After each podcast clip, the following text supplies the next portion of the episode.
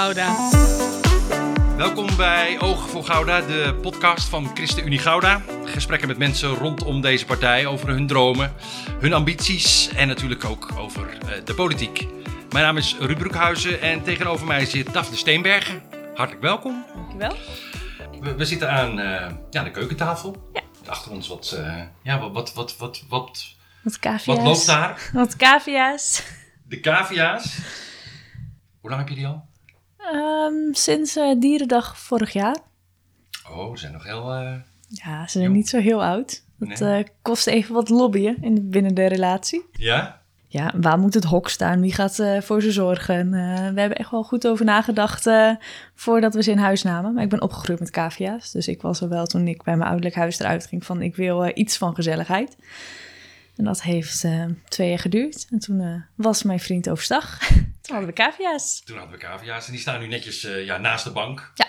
Goed, ik begin altijd even met eh, drie vragen. Eh, zinnen die jij even af mag maken. Mijn allerleukste avontuur bij de scouting was... Het Noordelijk Pinksterkamp van een aantal jaren terug. Het was ijskoud en mijn medeleiding die doet aan reenactment. Dus dat is hij eh, heeft allemaal uniformen, Russische uniformen, Duitse uniformen. Nou ja, en hij speelt dus ook eh, veldslagen na.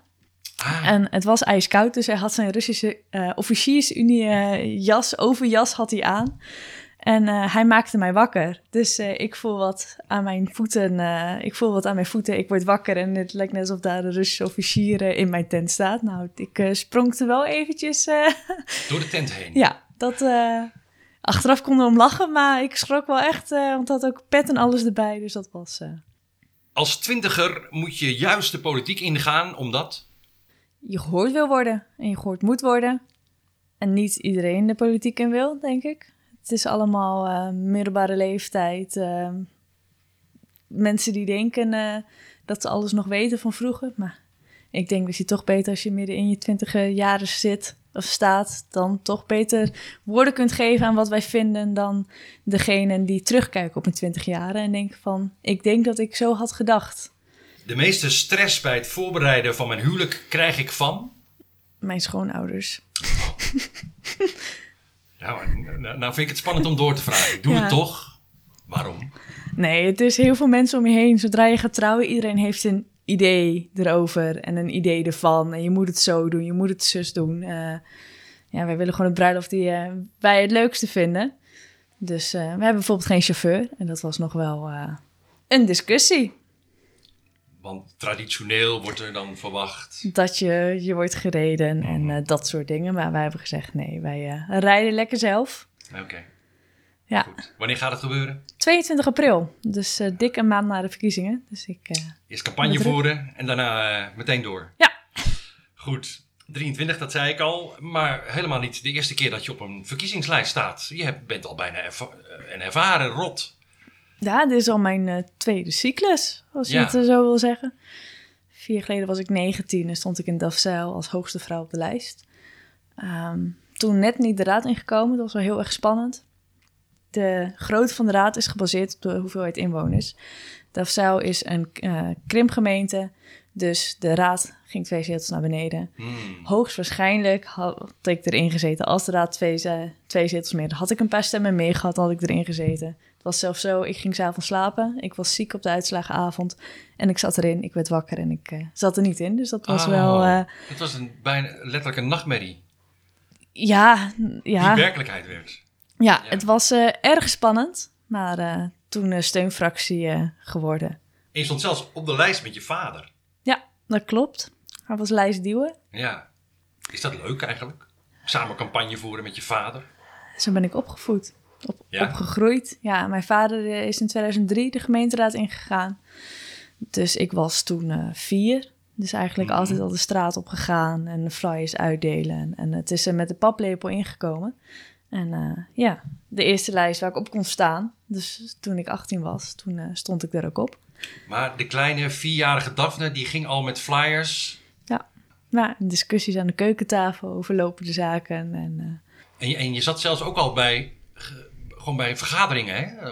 als klein kind. Ja, ja raad, het waren dan wel de bijzondere raadsvergaderingen waar ik bij zat, zoals de installatie van mijn vader. Hmm. Maar dat was wel, ik was eh, kind aan huis, maar ook dan moest hij stukken ophalen uit de fractiekamer. Want dat was natuurlijk nog niet de tijd dat alles eh, helemaal digitaal was. Was het uitgeprint, lag het in je bakje. En dan ging ik er eventjes mee. En dan ging ik even een rondje bij de griffie. Ik wist koekjes, eh, wist ik goed te vinden. De Dus, griffier had koekjes. ja, Ja. Ja. En je maakte kleurplaten voor de burgemeester. ja, dat Ja. klopt ook. Ja, ja. Ja, die woonde best dichtbij. Dus dan Mm. ging ik gewoon om mijn fiets heen en stopte ik mijn kleurplaat in haar brievenbus. En toen kreeg ik later een brief terug en dan echt wel het gouden eh, logo van de gemeente erop. En ik was zo trots, want eh, mijn vader kreeg continu brieven van de gemeente, maar eh, dat was het normale blauwe logo. En ik had echt het gouden logo, dus die hing echt aan de schoorsteenmantel.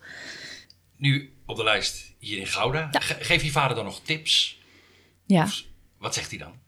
Ehm, nou ja, hij, eh, de, algemene tips, dat was voornamelijk toen nog thuis wonen, kreeg ik die. Maar nu is het als ik bijvoorbeeld ergens mee zit of als ik denk, ik vind het wel heel lastig. Hoe ga ik ermee om?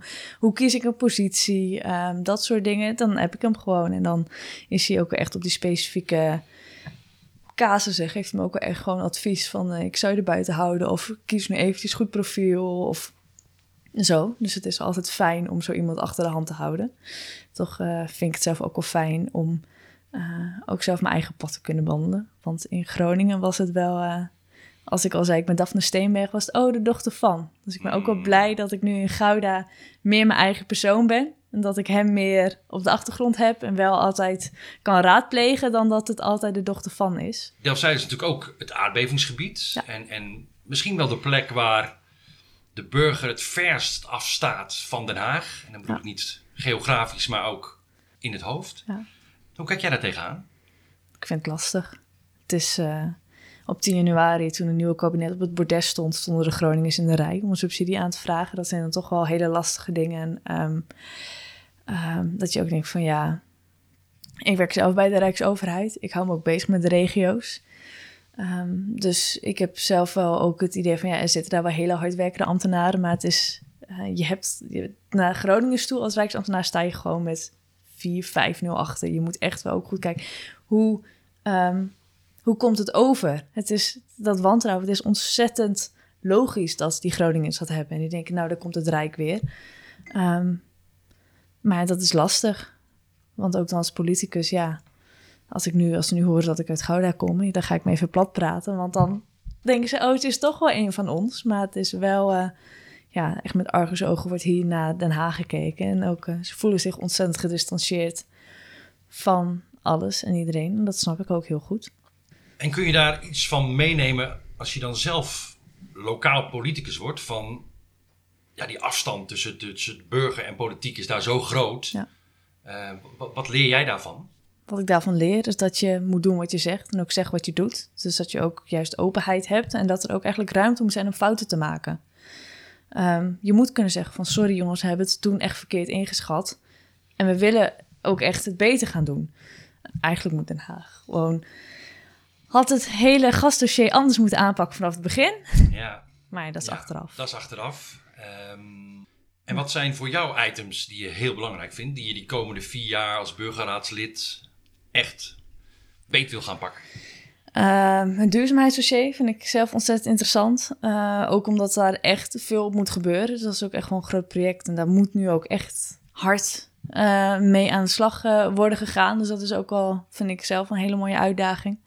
Ehm, ik vind zelf ook de binnenstad ontzettend interessant. Ik woon natuurlijk in de binnenstad. En ehm, vanuit ChristenUnie Gouden zijn er ook ontzettend leuke ideeën, vind ik zelf. Bijvoorbeeld ook meer muurgedichten. Maar ook een onderzoek, wat zijn de originele goudse kleuren? En dan om te kijken met ook ehm, de eigenaren van de erfgoedwoningen... van hoe kunnen we ervoor zorgen dat Gouda weer in zijn, in zijn eh, glorie komt te staan. Dus dat soort dingen vind ik ook ontzettend interessant. En die duurzaamheid, ehm, ja, dat lijkt me bij uitstek een, een thema ook voor, voor jouw generatie om beter te pakken. Is, is de grote verantwoordelijkheid voor de jongeren dan voor de ouderen? Ik denk dat de verantwoordelijkheid even groot is. Ik denk alleen dat de jongeren ehm, de druk misschien wat meer voelen. Van wij leven hopelijk nog 50 jaar. De ouderen eh, wellicht niet. Van wij, wij willen ook gewoon nog blijven leven op een aarde. Op, wij willen de schepping niet. Wij, wij moeten hier gewoon nog echt lang leven. Ehm, en wel, eh, ja, een van de langere dan de oudere mensen. En duurzaamheid is natuurlijk ook nog een, een containerbegrip. Er zit Ja, zoveel in. Zeker. Als we ietsje inzoomen, wat zijn dan punten die echt in Gouda de komende vier jaar moeten worden aangepakt? Ehm, nou ja, dat is natuurlijk, als je naar woningen kijkt, isolering is gewoon echt. eh, wij wonen dan in een huis van de jaren 90. En daarin merk je op zich wel, we houden het wel warm. Maar een vriendin van mij woont in een jaren 30 woning. Hoeveel warmte er ook verloren gaat. Dat zijn eigenlijk nog ja, kleine dingen. Het is natuurlijk wel even een impact als je huis helemaal geïsoleerd moet worden. Maar dat zijn denk ik ook echt de dingen waar we goed stappen op kunnen zetten. En ehm, waarin je ook op zo, op zo min mogelijk verzet eh, stuit. Want iedereen wil wel een lagere gasrekening, helemaal met de gasprijzen nu. Dus ik denk ook dat het goed is om dat echt als eerste stap te nemen. En daarna ook te kijken, waar kunnen we zonnepanelen kwijt? Hoe kunnen we nog duurzamer worden? En ook dan nieuwbouw, dat je daar ook eisen aan stelt. Van, het moet gewoon niet meer op het gas. Gewoon, Ik wou net zeggen, ik dacht toch als iemand uit Delfzijl dat je dat als eerste zou noemen. We moeten van dat gas. ja, Ja, ja. Dus alles wat nieuw gebouwd wordt, moet eigenlijk zonder gas. ja, zeker. Anders kom je er nooit. Als je het nu nog gaat bouwen eh, met gas en alles erop en eraan, dan eh, kom je nooit aan de doelstellingen die we ons hebben gesteld. Ook 2015 in Parijs. CU Gouden zelf ook. 2040 eh, willen we toch een stuk duurzamer zijn. Dus ook meer elektrische laadpalen, dat soort dingen. Ja, En veel gaat natuurlijk over, als we zulke investeringen moeten doen, over de verworvenheden die we al hebben, hè, die Ja. de generaties voor ons hebben opgebouwd. ehm, en die we misschien een beetje los moeten laten. Voel je dat er voldoende urgentie is, dat, dat we dat inderdaad gaan doen? Ja, als je ook al naar de kleine dingen kijkt, bijvoorbeeld hier in de winkelstraat, eh, tweedehands kleding, dat had vroeger toch wel best stoffig imago, maar hier nu heb je op de Korte Tienenweg heb je appel en ei. Als je daar binnen stapt, dan denk je niet dat het een tweedehands kledingwinkel is. Dus ik denk ook echt wel, ehm, ze hebben ook meerdere filialen door heel Nederland heen. Als de denkswitch niet was gemaakt, dan hadden dat soort winkels ook niet kunnen bestaan. Dus ik denk ook echt wel dat langzaam maar zeker ehm, ook iedereen er meer open voor staat. En dat is zeker een goed teken. Kijkt jullie generatie anders aan tegen rijkdommen? Tegen, hè, vroeger wilde je een baan en wilde je daar een, een goed pensioen bij. En je wilde er een auto van de zaak en een laptop en een telefoon. En je wilde hebben, hebben, hebben misschien. Is jouw generatie daar anders mee bezig? Ja, want wij kunnen veel minder. We zijn de, nou ja, ik zit in de pechgeneratie met een studieschuld. Ik heb zelf een studieschuld van 40.000 euro. Dus Werkelijk. ja, je, reken maar eens uit met je hypotheek. Je kan er zoveel minder. Dus het is ook, ik denk dat juist mijn generatie, dat die gewoon, ehm, het wordt ook wel de pechgeneratie genoemd. Ehm, we kunnen het allemaal wel willen, maar het is eigenlijk gewoon buiten ons bereik. Ook met de huidige woningmarkt. Je komt niet meer de woningmarkt op. En met banen, ja, nu gaat het op zich wel de goede kant op. Maar ik heb ook heel lang gesolliciteerd op startersfuncties en je komt er gewoon niet in. Je moet echt een trainee-programma doen. Dus het is wel, ehm, ja, het is niet altijd even makkelijk. Het is juist eh, blij dat je een baan hebt. En ik eh, had hem nog relatief op tijd, want ik eh, hou van plannen. Dus ik had hem eigenlijk te vroeg. Maar een vriendin van mij, die is tegelijkertijd bij mij in de zomer afgestudeerd en pas sinds 1 januari een baan. Hm. Eh, ligt ook wel aan ons vakgebied. We hebben politicologie gestudeerd, dus daar heb je misschien ook wel eh, te veel mensen van. Maar eh, ja, ik denk wel dat wij ook heel erg worden teruggehouden. Van ja, je kan wel dromen van een mooi huis, maar ja, wil je een eensgezinswoning en je gaat drie, vier ton, zelf kan je ook niks meer kopen in deze markt. Je moet eigenlijk een relatie hebben, wil je al een starterswoning kunnen krijgen. En dan nog met 40.000 euro. Ik schrik van dat bedrag. 40.000 euro studieschuld, waarmee je je werkende leven begint. Ja. Dat duurt hoe lang? Je, je bent een planner, dus je weet ook wanneer je dit hebt afgelost. 30 jaar krijg je ervoor volgens mij. Ik heb net een mailtje gekregen van uh, je aflostermijn gaat in. Je hebt nu nog 24 maanden uh, dat je niet hoeft te betalen. Dus over twee jaar krijg je het mailtje van uh, betaal maar terug. Dan ben je 25 en dan ga je nog 30 jaar lang. Dus met je 55ste heb je afbetaald. Ja. Wat vind je daarvan?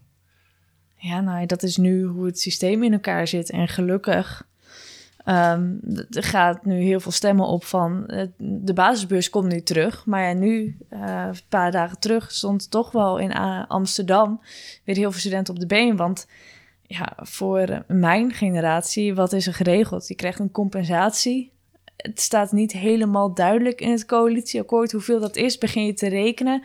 Dan kom je op uh, 2 à 3.000 euro uit. Ja, zet dat weg tegen de 40.000, wat, wat krijg je dan? Dus in Amsterdam werd ook heel erg gevraagd van... geef ons dan gewoon um, wat de aanstaande studenten gaan krijgen. Die krijgen een basisbeurs. Ga even terugrekenen van hoe lang heb je gestudeerd... en dat je dat dan gewoon uh, met terugwerkende kracht krijgt. Het is nog steeds niet die 40.000, maar ja, weet je... dat is ook realistisch. Want ook toen de basisbeurs er voor mijn generatie wel was... toen had je ook nog steeds studenten die bijlenen. Maar het is wel, uh, wij moesten wel heel veel lenen, ja. Ik kom bij de mensen thuis en dan vraag ik altijd van... Uh, pak er eens een mooi voorwerp bij. Iets dat iets over jou zegt en wat misschien uh, een mooi verhaal in zich heeft. Heb jij uh, iets bij je? Zeker. Ah, ik er, heb, komt, uh, er komt een bierglas. Ja. Met tekens die ik niet kan lezen. Nee, het is een bierglas van het Belarusische biermerk Lida bier. Dat wordt in een noordelijk stadje Lida gebrouwen. Ja, het verhaal hoe wij aan dit glas kwamen is een hele goede, goede vriendin van mij die trouwde in september 2019 in Lida. Het was al mijn tweede keer dat ik daar was. Uh, avond voor de bruiloft ben ik met mijn vriend, mijn vader en haar zijn we naar het um, biercafé geweest die echt bij de brouwerij zit. Ontzettend leuke ambiance. Um, erg leuk café als je ooit in Belarus bent. Nu uh, kan het niet, maar ga daar naartoe. En um, toen gingen vriend en ik elkaar aan van, nou ja, het is natuurlijk wel een leuk souvenir, zo'n bierglas. We hebben nog geen bierglazen. Dus de dag daarna gingen we terug. Uh, hebben in het museum gevraagd van, nou ja, mogen een bierglas? Nee, we zijn gesloten. Oké, okay, zijn we naar het restaurant gegaan. En toen vroegen we, daar mogen een bierglas? Dus ja, hoeveel wil je? En trek ze gewoon, trok ze uit hun eigen voorraad. Trok ze gewoon wat bierglazen. En die konden we zo, bij de, zo afrekenen. En toen liepen wij over straat met twee, uh, twee liter bierglazen. Ja, die herinnering, dat, dat is een hele dierbare, uh, begrijp ik. Ja, hij ja. is nog dierbaarder geworden omdat uh, dat de laatste keer was dat we in Belarus waren. Ik uh, ben in 2019 ook twee keer geweest. Belarus is voor mij een heel dierbaar land. Uh, mijn ouders die zijn gastouders geweest voor Belarusische kindjes. Dus ik was um, 12 en toen hadden we het eerste meisje in huis. En dat klikte gewoon heel goed. Een beetje Russische woorden gaan leren. het was 2010, 2013... Um, uh, 16, 18 waren allemaal projecten waarin mijn ouders ook meedraaiden.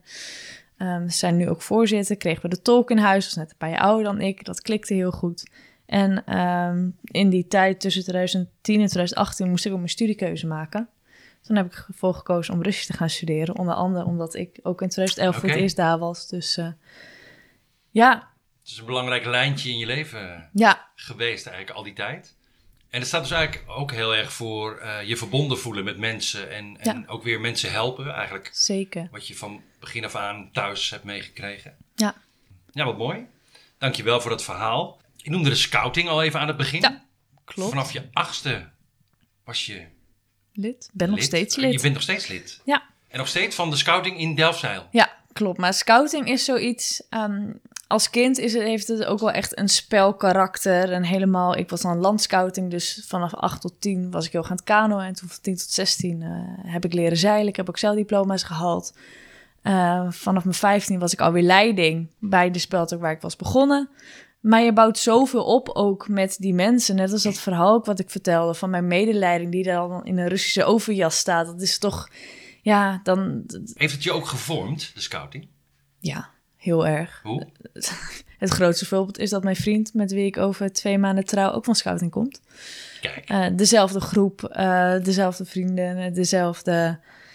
Ja, dus dat is. Uh, mijn schoonzusje zit ook bij scouting en haar zwager, haar vriend, mijn zwager, die komt ook van dezelfde groep. Dus het is echt gewoon. ja, je leert life skills en normale skills, zeg maar. En welke life skills heb je daar geleerd? Um, ook wel heel erg samenwerken natuurlijk. Zoals ook in een zeilboot. Um, een ander avontuur die ik heb beleefd is dat wij vast kwamen zitten in het riet drie uur lang. Dan ben je wel met z'n allen. Ik was denk ik veertien. En ik was de baas van de boot. Dus dan zit je toch wel van ja, we moeten nu met z'n allen zorgen dat wij weer terugkomen. Het is wel situaties waar je anders niet zo mee in zou komen, zeg maar. En uh, je leert uh, elkaar ook echt wel kennen en op elkaar ingespeeld te zijn. En dat soort dingen.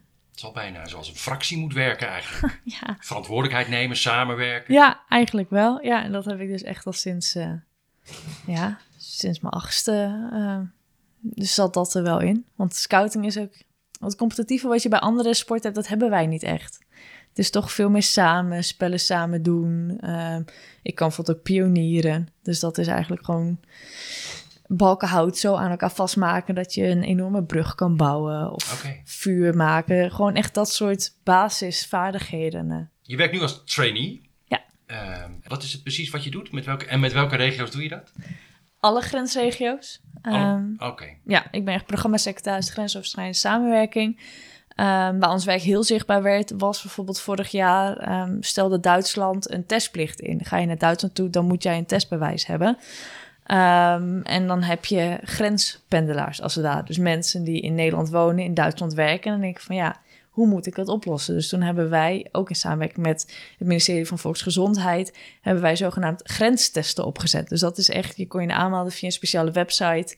ehm, om een test aan de grens af te laten nemen, zodat je dat op kosten van de overheid, zodat je wel over de grens heen kon gaan, zeg maar. Dus waar een grens ineens een barrière op werpt, dat is waar wij eh, in de bres springen. Ehm, bijvoorbeeld, ehm, haal je je diploma in Nederland, wil je werken in Duitsland. Diploma-erkenning is heel lastig, dus daar Ja. zitten wij dan ook weer met eh, het ministerie van Onderwijs om tafel, ondermijning, grensoverschrijdende ondermijning, zitten we weer met justitie en veiligheid om tafel. Dus eh, eigenlijk zijn we een beetje het oliemannetje als het ware. Ja. Wateroverlast misschien ook nog van afgelopen zomer. Ja, dat eh, moesten we ineens ook heel hard werken, inderdaad. Maar dat was dan voornamelijk ook afstemming, want dat is eh, infrastructuur en waterstaat, dat is echt hun pakje aan. Maar dat was bij ons wel van, oké, hebben ze de juiste partners? Kunnen ze snel schakelen? Want die merkt bij ons, wij hebben een heel groot netwerk, vooral in de grensregio. Dus met Duitsland is het met de deelstaten, eh, ook met Vlaanderen. Dus dan is het ook heel snel schakelen, want het is niet het inhoudelijke en de crisis... eh, de, de crisisreactie, zeg maar, die komt vanuit het ministerie van INW. Maar wij zijn dan wel, kunnen daarbij helpen, omdat wij toch wel die, het netwerk hebben. En ben je goed crisisbestendig? Ook belangrijk in de politiek? Ik werk heel goed onder druk. Ja? Als ik eh, geen drukte heb, dan verveel ik, Oké. verveel ik me snel. wil deadlines, druk. Ja. En dan nog trouwen. Ja. Eerst campagne voeren. Ja. Wat ga je doen? Ehm, de straatacties gaan we waarschijnlijk nu toch wel weer opstarten. Dus sowieso de verkiezingsmarkt op 12 maart. Eh, op 11 maart ben ik nu ook bezig met een avond heet eh, Pizza en Politiek. Dus dat is eh, met de lijsttrekker Anne van Popering en mij eh, in gesprek. En dan echt jongeren van 16 tot 25 gewoon bij wijze van spreken benen omhoog, een stuk pizza in de hand. En gewoon met elkaar in gesprek, naar elkaar luisteren, verhalen ophalen. Oké, het wordt echt een avond waarin de politiek ook met name, met nadruk, de jongeren uitnodigt om eh, mee te komen denken. Ja, nou ja, voornamelijk in ge- gesprek te gaan. Er hoeft geen voorbereiding. Het is gewoon echt, eh, wij zijn daar. En we hebben dan een aantal vragen die niet direct politiek gelieerd zijn. Wij willen gewoon echt horen eh, hoe de jongeren het in Gouda vinden. Wat zij het beste voor Gouda vinden. En in principe maakt onze politieke kleur daar niet uit. Ja, Pizza en politiek. Ik vind het een hele goede. De credits moeten wel naar ChristenUnie Weidemeren. Bij Loosdrecht en zo. Zij hadden het eh, bedacht. En, eh, ik eh, ken toevallig de lijsttrekker. Zij stond bij de Tweede Kamerverkiezing op de lijst. En ik ook. Dus toen hadden we ook wat contact met elkaar gehad. Dus toen ik op, op hun social zag dat ze pizza en politiek hadden gedaan...